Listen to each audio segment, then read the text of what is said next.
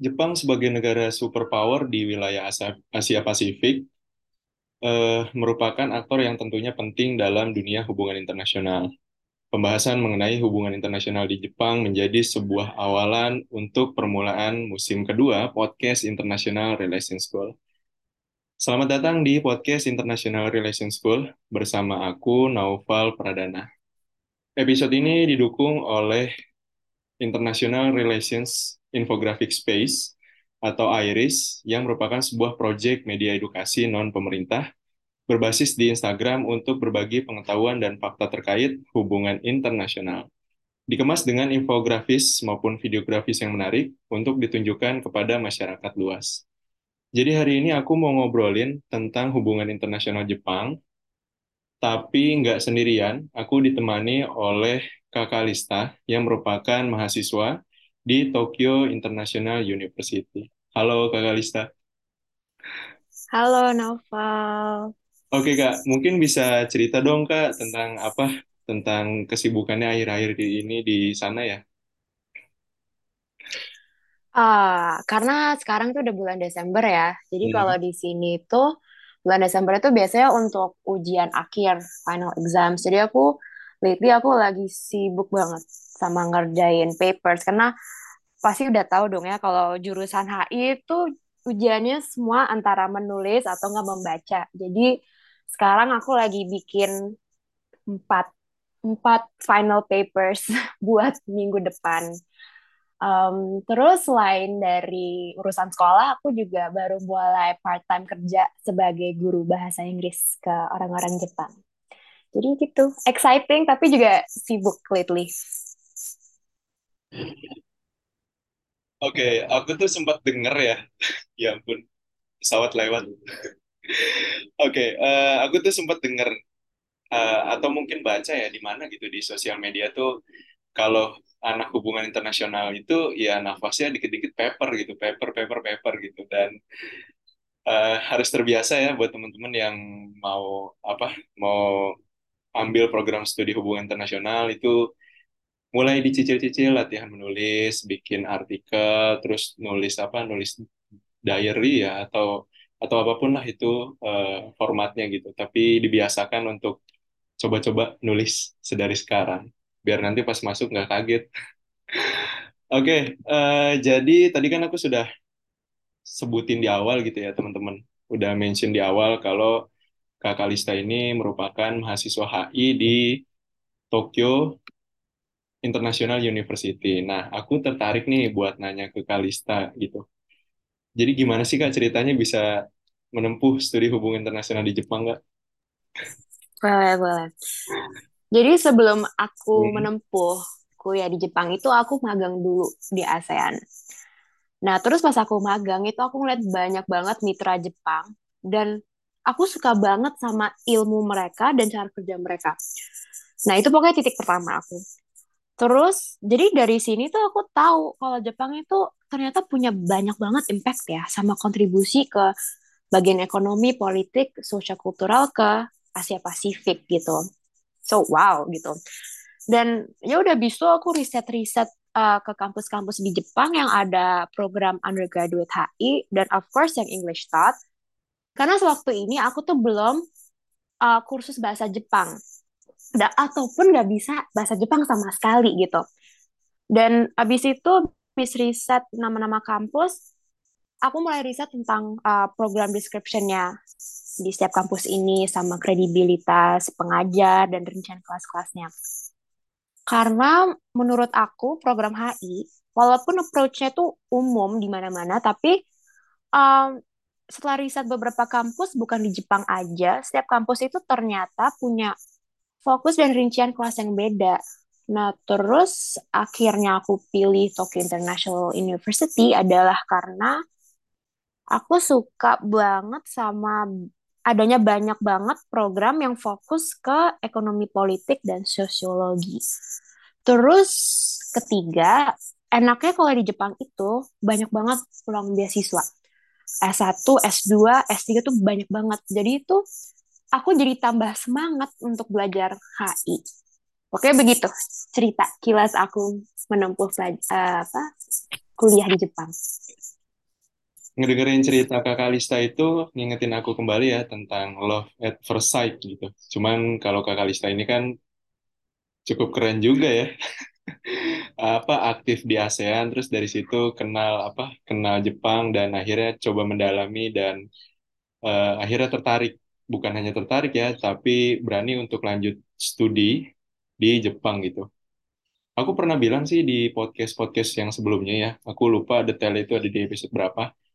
Kalau aku itu tertarik di hubungan internasional itu ketika punya kebiasaan hobi jalan-jalan gitu.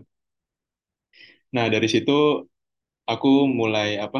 Mulai kayak mikirin gimana ya kalau rasanya bisa jalan-jalan ke luar negeri, terus eh, lebih daripada jalan-jalan tuh bisa jadi apa ya? Bisa jadi sesuatu lah dari perjalanan tersebut gitu kayak contohnya kunjungan ke negaraan dan lain sebagainya gitu. Akhirnya aku memutuskan untuk apa? Untuk lanjut studi HI gitu dan finally itu kesampaian dan sekarang udah selesai. Oke, sekarang aku juga penasaran nih tentang kenapa sih eh, kamu itu milih studi hubungan internasional di Jepang? Kenapa nggak di negara-negara Asia Timur lainnya? Mm-mm. Oh, sebenarnya aku juga suka HI yang nggak di Jepang. Cuman menurut aku HI di Jepang tuh unik dalam arti karena ini menurut aku karena HI itu terkadang terlalu berbasis ke barat-baratan. Tapi dengan studi HI di Jepang itu aku jadi lebih tahu banyak banget ilmu yang impact HI di region Asia Pasifik. Dan menurut aku ya HI di Jepang itu you know it's a really nice way to have like a more open-minded. And yang paling penting adalah untuk jadi mahasiswa yang culturally diverse. Untuk uh, approach dalam belajar HI. Terus kedua, dari segi sejarah, aku tuh suka banget perkembangan politik dan ekonomi Jepang. Karena menurut aku tuh Jep- Jepang tuh menarik banget. Jepang itu negara yang secara geografis lebih kecil dari Amerika, Cina, dan Rusia. Tapi mereka tuh bisa kasih impact yang besar banget ke stabilitas politik dan ekonomi dunia. Jadi aku tuh pengen belajar lebih lanjut tentang ilmu developmental politics dan ekonomi Jepang. Terus ketiga itu Jepang juga taruh banyak banget investment di Indonesia. Jadi ada rasa kalau Indonesia itu dipandang sangat atraktif ya di mata Jepang. Dan ini mungkin aku kedengeran sedikit nasionalis atau gimana, tapi aku sebagai pelajar di Jepang itu aku tetap menjadi warga negara Indonesia gitu. Jadi menurut aku, aku juga harus bisa mikir tentang attitude tempat belajar aku ke tanah air aku gitu. Uh, terus kalau di Jepang itu banyak banget murid-murid yang ditanya, uh, what are you gonna do with the knowledge you have here? Kamu mau dibawa ke mana nih ilmu yang kamu punya sekarang? Apakah kamu akan stay di Jepang atau kamu akan pulang ke negara kamu dan untuk uh, mengaplikasikan dan implement implement implement knowledge kamu di your home country gitu. Dan terus ya aku mikir kalau semisal aku pulang ke Indonesia, Indonesia tuh sekarang dicap menarik untuk Jepang. Jadi apalagi nanti di masa depan, let's say five or ten years gitu ya.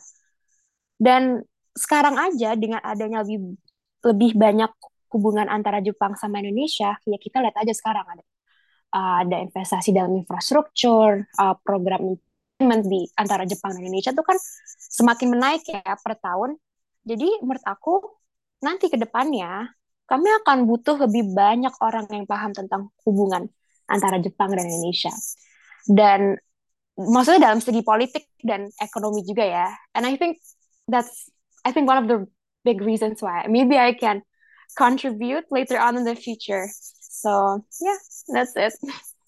Amin, amin paling serius untuk doa-doa baiknya. Amin. Tapi I think itu bukan buat aku doang ya. Mungkin karena di sini di Jepang itu banyak banget pelajar Indonesia gitu. Enggak cuma S1 doang, S2 dan S3 gitu. Dan kebanyakan mereka juga uh, misalnya LPDP, beasiswa. Jadi of course kalau apalagi mahasiswa yang beasiswa itu kadang by the end of their study mereka juga diwajibkan untuk pulang ke Indonesia. Jadi makanya yang poin terakhir ini juga poin yang paling penting gitu loh. Indonesia tuh dicap sebagai negara yang interaktif untuk Jepang dan akan dibutuhkan orang-orang yang paham tentang HI di Jepang gitu. Ngedengerin cerita Kak Kalista yang selanjutnya itu yang tentang kenapa bisa studi hubungan internasional di Jepang itu itu ngingetin aku sih tentang sebuah teori ya, teman-teman. Ada yang dinamakan dengan teori developmental state dan ada sebuah konsep yang bernama flying G's. Jadi kalau teman-teman nanti itu search lebih dalam tentang teori dan konsep tersebut, teman-teman akan setidaknya bisa memahami dari perspektif tersebut tentang bagaimana uh, Jepang itu bisa menjadi superpower di Asia Timur ya dan memiliki influence tidak hanya di Asia Pasifik, tapi di tingkat global. Kita udah mulai masuk ke HI nih, Kak. Aku tertarik mm. dengan apa yang tadi udah dijelasin sama sama Kak Kalista. Mm -mm. Lalu bisa dielaborasi sedikit lagi nggak Kak tentang gimana sih pandangan Kakak terhadap hubungan internasional Jepang gitu sebagai apa? Uh, sebagai mahasiswa gitu ya Kak ya? Hmm. Boleh dong. Uh, tapi sebelum aku mulai ya, ini cuma pandangan aku like said at a glance gitu ya. Karena uh, first kredibilitas aku untuk bahas ini tuh sebagai mahasiswa doang. So I'm going to you know try my best. Oke. Okay. Uh, hubungan internasional dalam Jepang. Pertama, menurut aku secara geopolitik dulu ya. Uh, karena ini adalah unsur paling menarik dan paling penting uh, di Jepang. Jepang itu berada di lokasi yang cukup tegang dalam segi geopolitik. Dekat sama Cina, apalagi sama Korea Utara. Yang menurutku dua negara yang paling bahaya untuk Jepang dalam segi security ya.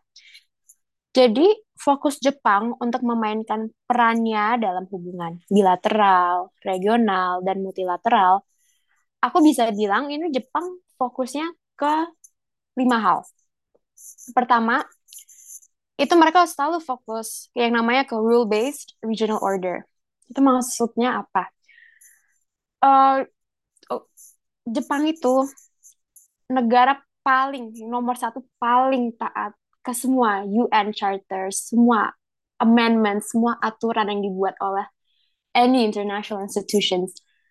Dan mereka sangat pakai these uh, instructions, these rules sebagai fundamentals HI mereka. Makanya aku bilang it's called a rule-based regional order. Kedua, open and open and fair trade gitu. Ya, kita lihat sekarang Jepang. Jepang itu adalah salah satu pro player di APEC. Uh, terus ke banyak banget uh, free trade agreements ya, misalnya di di ASEAN juga gitu. Hmm. Dan mereka tuh selalu memprioritaskan yang namanya free trade agreement, open and free trade itu pertama sebenarnya karena industri Jepang itu hmm, tidak begitu kompetitif ya dibanding negara-negara lain. Tapi Jepang itu paling bisa memaksimalkan negara-negara yang friendly ke mereka. Dan secara ekonomi mereka dari hmm, dari tahun 80-an ya kalau salah. Mm-hmm. Mulai untuk nge-open up their economy. Dan mereka pakai this free trade itu buat nge apa ya first establish a better diplomatic ties sama negara-negara lain. Hmm. Kedua, to improve more on their economy gitu. Terus uh, nomor tiga itu penegakan hukum internasional.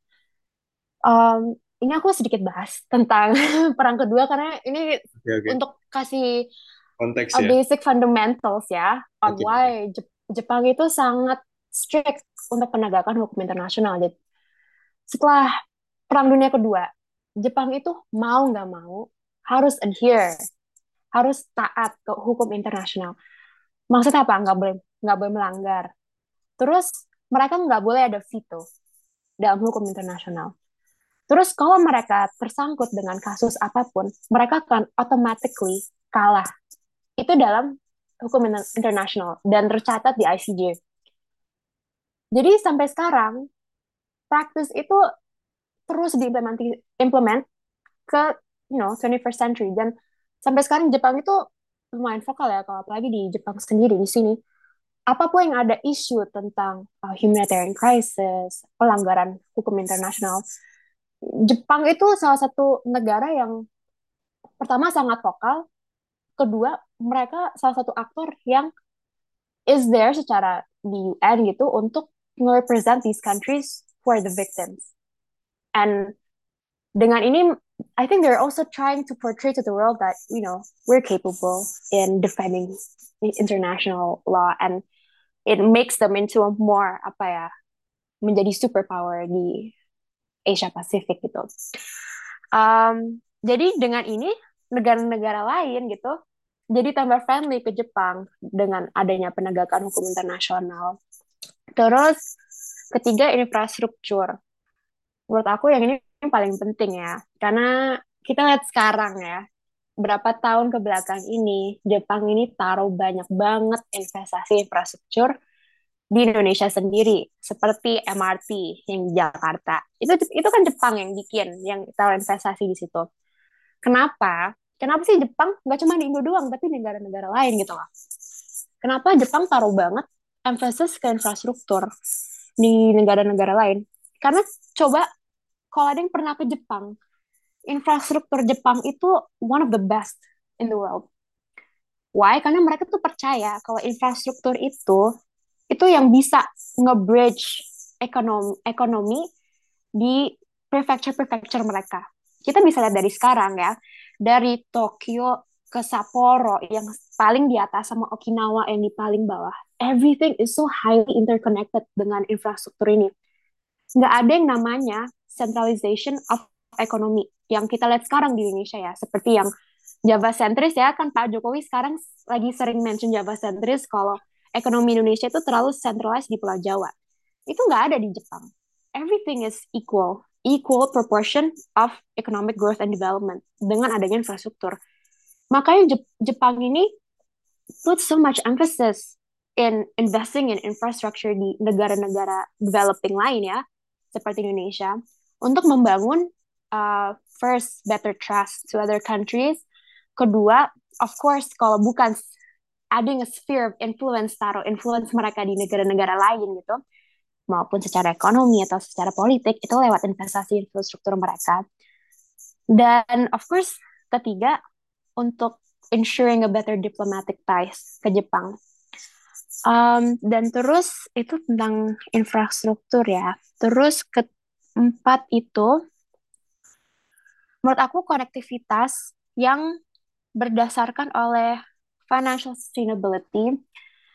Uh, kenapa financial sustainability ya?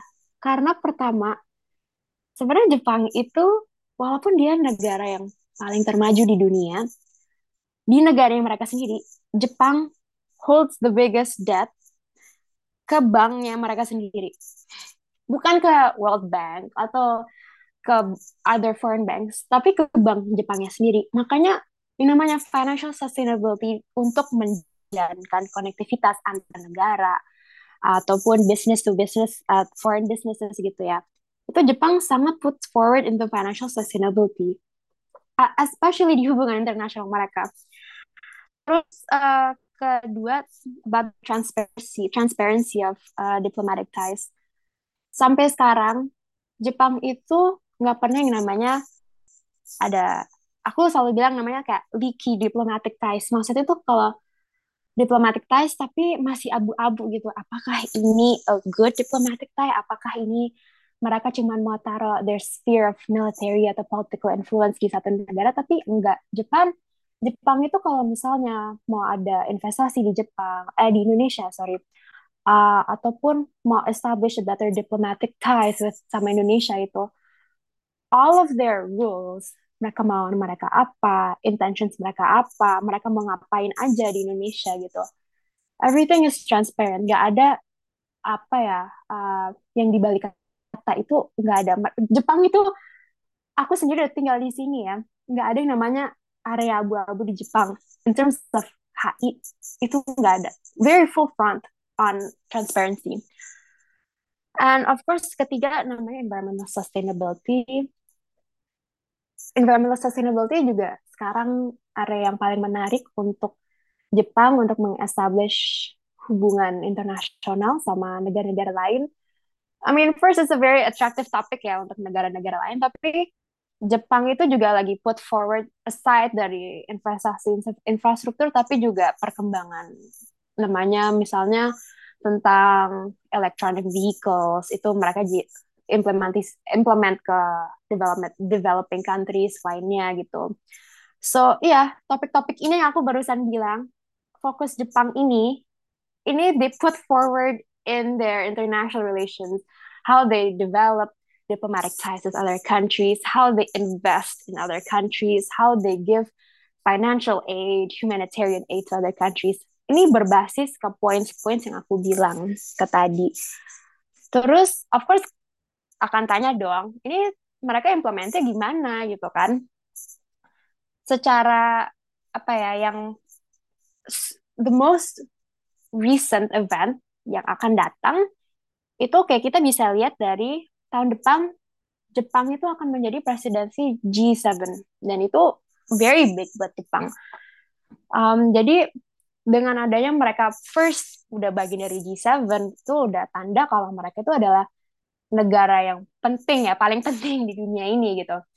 Terus uh, kedua untuk stabilitas sorry maaf untuk Jepang untuk nge-ensure stabilitas HI di regional Asia Pasifik gitu. Ataupun let's go lower gitu ya Southeast Asia gitu. Jepang itu adalah salah satu one of the top three major investor di ASEAN dan menurut aku itu paling penting dan Jepang tuh selalu puts forward this mereka tuh investor paling besar di ASEAN karena mereka want to show that we're capable, you know, in helping to make Southeast Asia, ASEAN, a better organization and region. Jadi, I think that's it. A glimpse of Japan's uh, international relations in just a few words. So that's it. Oke, okay. uh, dari sini aku coba untuk memahami ini ya. Kalau aku sih, aku buatnya ini per cluster ya teman-teman gitu. Jadi tadi dari yang apa udah disampaikan oleh Kak Kalista gitu, ada klaster bilateral gitu. Jadi bagaimana Jepang ini royal ya dengan apa dengan dengan negara-negara strategis yang yang di mana itu uh, udah deket sama Jepang gitu. Salah satunya adalah Indonesia gitu. Terus pada tataran apa? Pada tataran regional juga tadi kita uh, dimention juga sama Kak Kalista uh, bagaimana si Jepang ini coba berperan di ASEAN. Salah satunya itu dibuktikan dari mana? Yaitu kehadiran dari Jepang hadir sebagai, kalau aku nggak salah itu uh, bergabung dalam forum ASEAN Plus ya, Plus 3 kalau aku nggak salah tuh. Uh, salah satu dokumen yang udah dihasilkan itu adalah ASE apa Jepang ASEAN uh, Comprehensive Economic ya. Ini boleh dicek and recheck lagi ya gitu. Lalu pada tataran multilateral gitu, Jepang adalah termasuk negara-negara yang taat terhadap norma-norma internasional, khususnya itu yang di apa di di diproduksi ya oleh United Nations gitu teman-teman. Nah oke, okay. Aku sih berharap untuk para teman-teman yang dengerin ini itu coba research lagi tentang hubungan internasional Jepang dan aku sih berharap ya semoga teman-teman bisa berkarir di mana di tingkat Asia Pasifik atau mungkin bisa nyusul ke Kalista nih ke Jepang gitu. Uh, jadi itu adalah suatu kebanggaan gitu ya. Tapi perlu diingat juga kita keluar negeri itu ya untuk membanggakan Indonesia juga ya teman-teman ya. Ikut berkontribusi juga untuk pembangunan Indonesia gitu. Nah, karena kita udah di ujung banget nih Kak, mungkin ada apa ya kayak ada pesan gitu Kak yang bisa dibagikan sama teman-teman pendengar gitu? Oh, untuk teman-teman HI yang dengar podcast ini, selain dari mulai untuk membaca lebih banyak, menulis lebih banyak, coba untuk tambah berpikir secara kritik tentang apa yang sedang terjadi di sekitar kamu. You can start from there gitu. Karena kalau kita terus membaca atau kita menulis tanpa mempunyai skill critical thinking, menurut aku outcome-nya nggak nggak sebagus itu. Menulis secara fakta, membaca doang, itu tuh nggak ada gunanya kalau kamu nggak question knowledge yang kamu ada. Terus kedua, try to be more impactful ke komunitas kamu as best as you can. Dan ketiga, mau di mana pun nanti kamu pilih, mau kuliah di mana, kerja di mana, dalam negeri atau luar negeri, pesan aku adalah kamu harus lebih tahu kamu mau bawa ke mana ilmu kamu. Atau ilmu kamu mau dibawa ke mana. Sorry. Terserah kamu, kamu mau bawa pulang ke negara tanah air kamu dibawa pulang ke Indonesia ataupun kamu pengen kerja di sana gitu kan tetap aja both things tetap menurut aku hal-hal yang bisa bikin kamu bangga sama diri kamu sendiri. So itu my top three messages. Oh my god uh, such a heartwarming ya. Aku ngedengerin aja kayak walaupun kayak jujur aku termasuk teman-teman mungkin teman-teman udah pada tahu ya aku sering ini bilang di podcast podcastku yang sebelumnya kali. Ya aku termasuk orang yang memang bermimpi untuk lanjut studi ke luar negeri sih teman-teman. Tapi untuk mencapai itu aku sekarang lagi coba apa ya implementasiin sebuah prinsip itu yang namanya prinsip ikigai gitu. Jadi itu bagus untuk teman-teman apa kulik juga ya prinsip itu. Uh, karena di situ tuh kita bisa tahu uh, kita harus gimana ke depannya gitu. Dan itu kayaknya bisa untuk dipakai untuk apa namanya? Untuk navigasi teman-teman yang mau lanjut studi ke luar negeri gitu. Dan satu lagi prinsip yang aku mau bagiin ke teman-teman adalah ini di luar HI ya, lebih kepada self development. Karena tadi HI-nya udah dari Kak Kalista.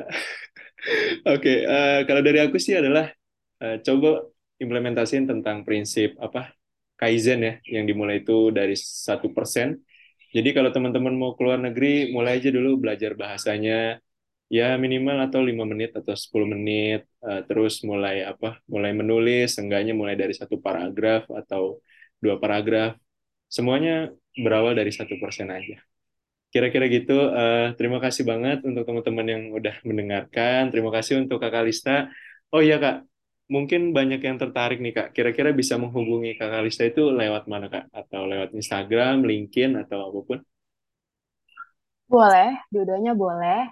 Okay. Uh, mungkin nanti uh, Nahol bisa share juga kali ya IG link apa akun IG aku sama link LinkedIn aku.